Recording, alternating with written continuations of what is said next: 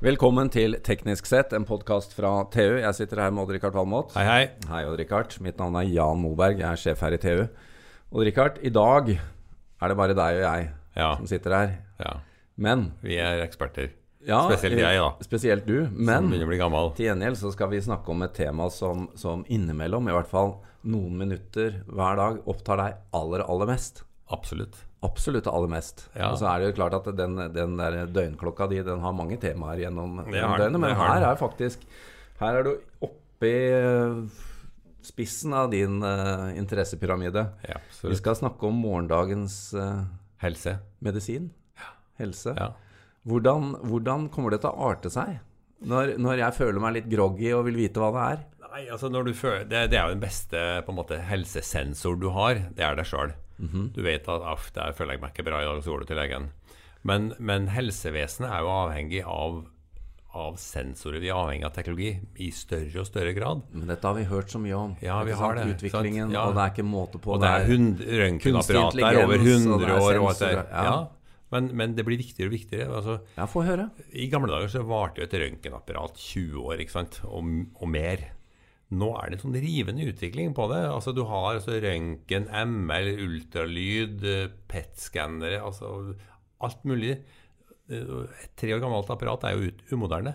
Så du mener at eh, en av er- kriteriene for suksess her nå er utbyttetakten? Ja, det tror jeg.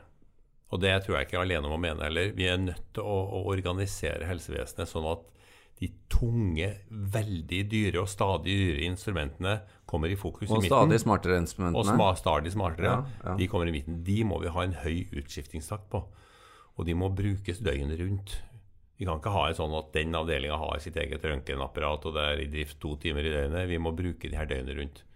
Det er, det, det er litt, litt av kjernen. Men eh, du Men- som bruker så mye tanketid på dette, og kan du ikke ta oss kjapt igjennom hva, hva er det vi snakker om egentlig? Ja, altså det, For det første, vi må, vi, må, vi må finne ut hva er det som feiler oss. Da har vi altså alle mulige tester og blodprøver og sånt, men vi har også de tunge sensorene. Men vi har også den her eh, trenden med personlig, personlige sensorer. ikke sant? Mange av oss går nå med ei sånn eh, digital klokke med pulssensor. Den måler også bevegelser. Og jeg tror jo at eh, For det første så kommer det til å komme flere sensorer inn i den samme klokka. Og den klokka kommer til å kommunisere med andre sensorer rundt om på kroppen på sånne personlige nettverk. Og da har jeg lyst til å nevne et selskap i Fredrikstad, Prediktor Predictor Medical, som utvikler en sånn eh, sensor som, som ser på glukosenivået i kroppen. Altså som kan gi gi diabetikere eh, svaret de trenger i sanntid. Når trenger du å, å tilføre insulin? Og de kan også måle andre kroppsvæsker. Det kommer vi til å se mer av. Og jeg tror at på litt lengre sikt så kommer vi til å bli chippa. Vi chipper jo katter og hunder og laks og alt mulig rart. Sant? Men disse chipene de skal ikke gi nødvendigvis identitet. De skal gi oss beskjed om, om uh, bioelementer i blodstrømmen. Ja, men du kommer til å oppdage så mye at det blir et rush på alle disse Det blir det. her, eh, Men altså da, det, poenget, poenget er at da, da tar du sykdommer så å si før de har begynt. Eh, og det er jo mange måter å gjøre det på også, gjennom mobiltelefon. En mobiltelefon i dag kan med riktig software avsløre tidlig demens. Utvikling av Alzheimer. Rett og slett med stemmeanalyse som skjer i nettskyen. Det er ikke utbredt ennå, men det kommer. Så vi kan vi rett og slett uten, uten å gjøre noe annet enn å aktivisere programvare på mobiltelefonen, så kan vi, kan vi eh, få varsel om en av de viktigste sykdommene som fins. Og så kan vi gjøre tiltak tidlig. Og tidlig er mye bedre enn sent. Og dette da koblet mot det vi har snakket om tidligere, f.eks. IBMs Watson, Ja, ja. som skanner igjennom røntgenbilder og eh, MR-data og Ja, for det er også, det er også en veldig veldig viktig trend. Ikke sant? Det her med å prosessere helsedata. Og, og IBM var jo veldig tidlig ute på det her. De fleste husker når, når Watson vant Jeopardy, altså den amerikanske kunnskapskonkurransen i, i 2011. Men det var jo bare en demo på hva et sånt system kan gjøre. De hadde lasta den full av Wikipedia og mye annet, ikke sant? og så visste den mer enn de to amerikanske mesterne.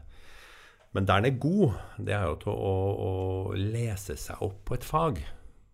Du kan mate inn alt, alt som finnes av kunnskap, alle papers som finnes i verden om en spesiell krefttype. Eh, og det kan jo den lese millioner av i timen, ikke sant? Det kan jo, en, en lege vil jo aldri komme gjennom all kunnskap om sånt. Og så kan du lese inn alt som finnes i helsevesenet om, eh, som du har erfaring fra. Og så kan du lese inn dine personlige data, prøvene. Er du sikker på at du vil se svaret? Av og til så kan det ganske, være ganske guffent. Men det er det uansett da, hvis du får svar. Men jeg vil mye heller ha det svaret tidlig enn sent. For tidlig kan du gjøre noe med det.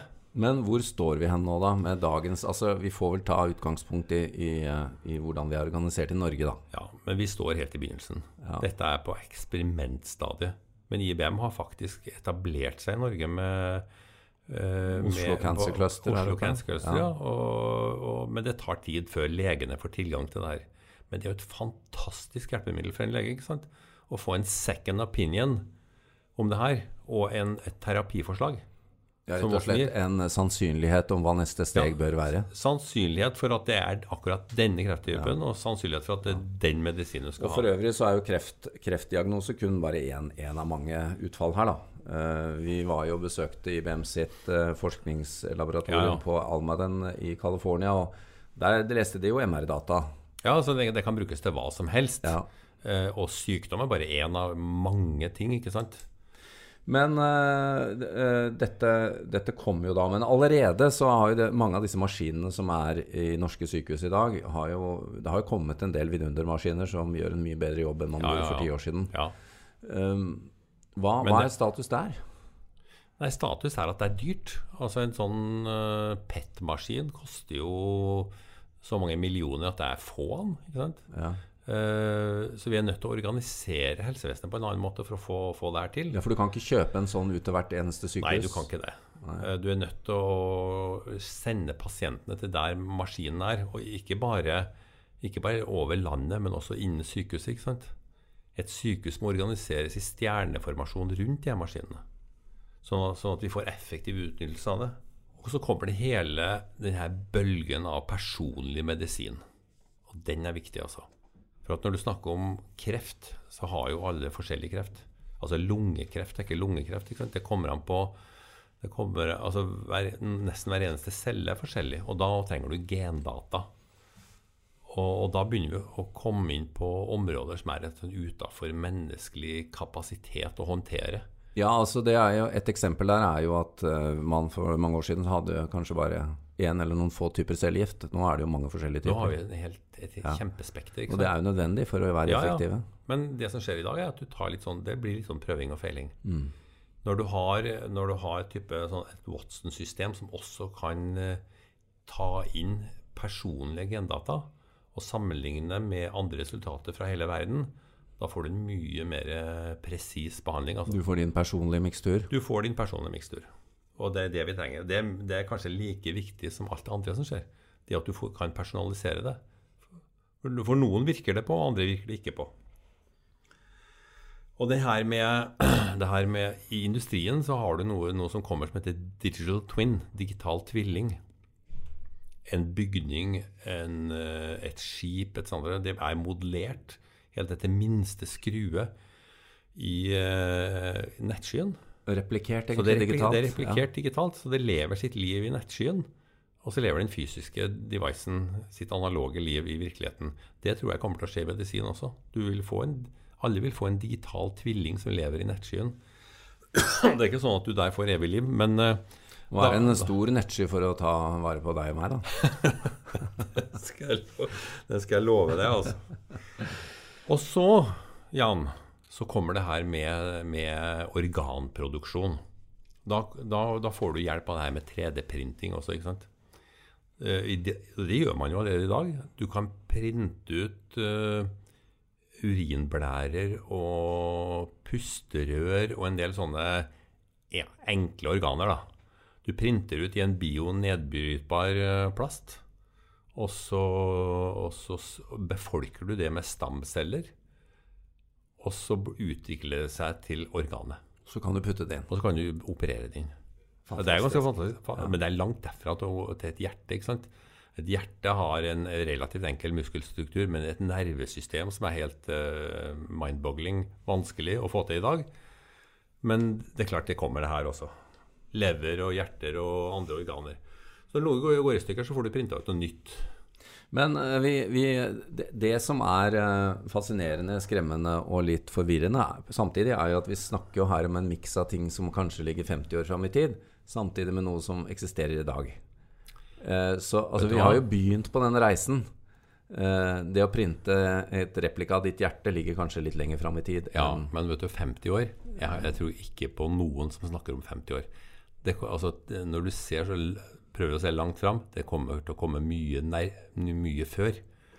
Men det som vi tror kommer i morgen, det kommer litt lenger ut. Ja, det, og det er jo... Den tidsaksen kommer til ja. å bli ganske komprimert, altså. Men, eh, men, hva bør eh, Det er mange selvsagt som har lyst til å gi Norsk helseorganisering råd. Men hva bør man gjøre nå, da? Altså, E-helsedirektoratet de har noe ganske eh, plan, De har planer som imponerer meg. Og de ønsker å skru sammen alle de her registrene og få litt mer orden på det, og få digitalisert all helseinformasjon. Men problemet er at dette koster noen milliarder å gjøre. ikke sant? Men det er jo, det er jo ikke så mye i forhold til alle de milliardene helsevesenet koster. Men det må gjøres på toppen, det må gjøres parallelt. Det er omtrent som sånn uh, utbygging av mobilnettet. ikke sant? Skal vi bygge ut noe nytt, så må det gjøres på toppen av alt det vi allerede har og eksisterer, og da blir det dyrt. Ja, samtidig så har det jo det at så mange har eh, Eller at så lav andel av befolkningen røyker ja. nå i forhold til før, har jo tatt ned behovet for en del ting. Det er jo en del vi som befolkning også må kanskje gjøre. Vi, vi må selvfølgelig også gjøre en del ting og ja. høre på gode råd. Og det at vi ikke skal røyke, det er jo ganske obvious. Det har det vært de, de siste 30-40 åra. jo, jo, men eh, er, ja, nå, nå, er vi der at andelen er lav. Og så lever vi jo stadig lenger, sånn at uh, da, da, øker vi jo kompleksiteten i andre enden, da. Ja, det er klart det blir, det blir vanskelig vanskelig å reparere oss som gamle mm. kropper, men det, det, der skjer det også mye. ikke sant? Og jeg har tenkt på Vil jeg bli operert av en kirurg om 15 år? Nei, det har du sagt at du vil foretrekke en robot. Jeg, jeg, jeg vil foretrekke en robot, ja. ja. Kan hende legen foretrekker det òg. det kan godt være det. Men altså, jeg ser for meg at en robot kan gjøre en mye bedre, bedre jobb. En robot ja. kobla til all den intelligensen vi snakker om. Ja, men da er du inne på et tema til. Skal nå, skal nå legestanden gå og være nervøs for eh, rollen sin? Ja, ikke bare de. Altså, alle skal være nervøse for rollen sin i, i et 20-årsperspektiv. For at den, det jeg ser komme i glasskula, det er dramatiske endringer, altså. Men, men, mye av det vi beskriver, er jo også rådgivende vel, innspill. På, på, kort sikt så er det ja, rådgivende. Ja. Så, på lang sikt så tror jeg det er uh, noe helt annet. Men vi trenger jo det human touch, da, gjør vi ikke det? Ja, altså hvis du ser på velferdsbransjen, da, hvor uh, Jeg så jo det på min gamle nabo for hun døde. Det ringte jo på folk der ti ganger om dagen om natta. Og sto med et gigantisk nøkkelknipp og låste seg inn og spurte om det, har du det bra. Mm. Dette kan vi jo gjøre mye mer effektivt med eh, digitalt. Vi kan ha mye mer menneskelig kontakt digitalt over f.eks. Skype enn en, en sånn personell som reiser rundt i bil hele tida. Men vi kan også robotisere det. Jeg ser jo for meg at uh, i fremtida så har vi en, har hver altså en, helse, en ikke bare en helserobot, men en, en, en tjener ja. som også er en helserobot. Som, som, som, rydder og lager mat og, og, tar av bordet og passer på døgnet rundt. ikke sant? Har du tatt medisinen din? Eh, og, og, som tar imot deg hvis du faller, etc. Da blir jo avslutningsspørsmålet i denne omgang Odd Rikard, om uh, om vi kommer til å dø. ja. Hvor gamle blir vi, og kommer vi til å dø? Skal vi holde liv i oss i en eller annen Nei, det er, du, Ligge i et væskekar og Det er beyond me som Netflix. teknolog, altså. Jeg, ja, hva tror det, du? Det blir, altså, vi må kanskje ha en sånn politisk bestemmelse at du får ikke bli mer enn 100 år. Det, det er eh, Men vi, vi, vil jo, vi vil jo Vi vil jo kunne bli 100 år, de fleste av oss. Eh, og kanskje vesentlig mer. Altså, det, det viser seg at mennesker kan leve til de 120 uten at vi gjør noe voldsomme inngrep. Ja, så lenge du unngår en del uh, symptomer underveis. Ja, ja, men når vi, når vi, da klarer å feie de av banen hele veien, ikke sant? Ja, og kanskje ja. regenerer et organ eller to og, uh, og så videre, og, og skru ned takten på aldringsprosessen, som også mange jobber med, da kan vi jo bli vesentlig eldre også. Så du mener at å, vi kan plukke opp denne podkasten igjen om 50 år og ta en liten recap om hva vi sa? Hva var det vi sa? Vi fikk rett, ja. Vi, vi kommer uansett tilbake. det gjør vi.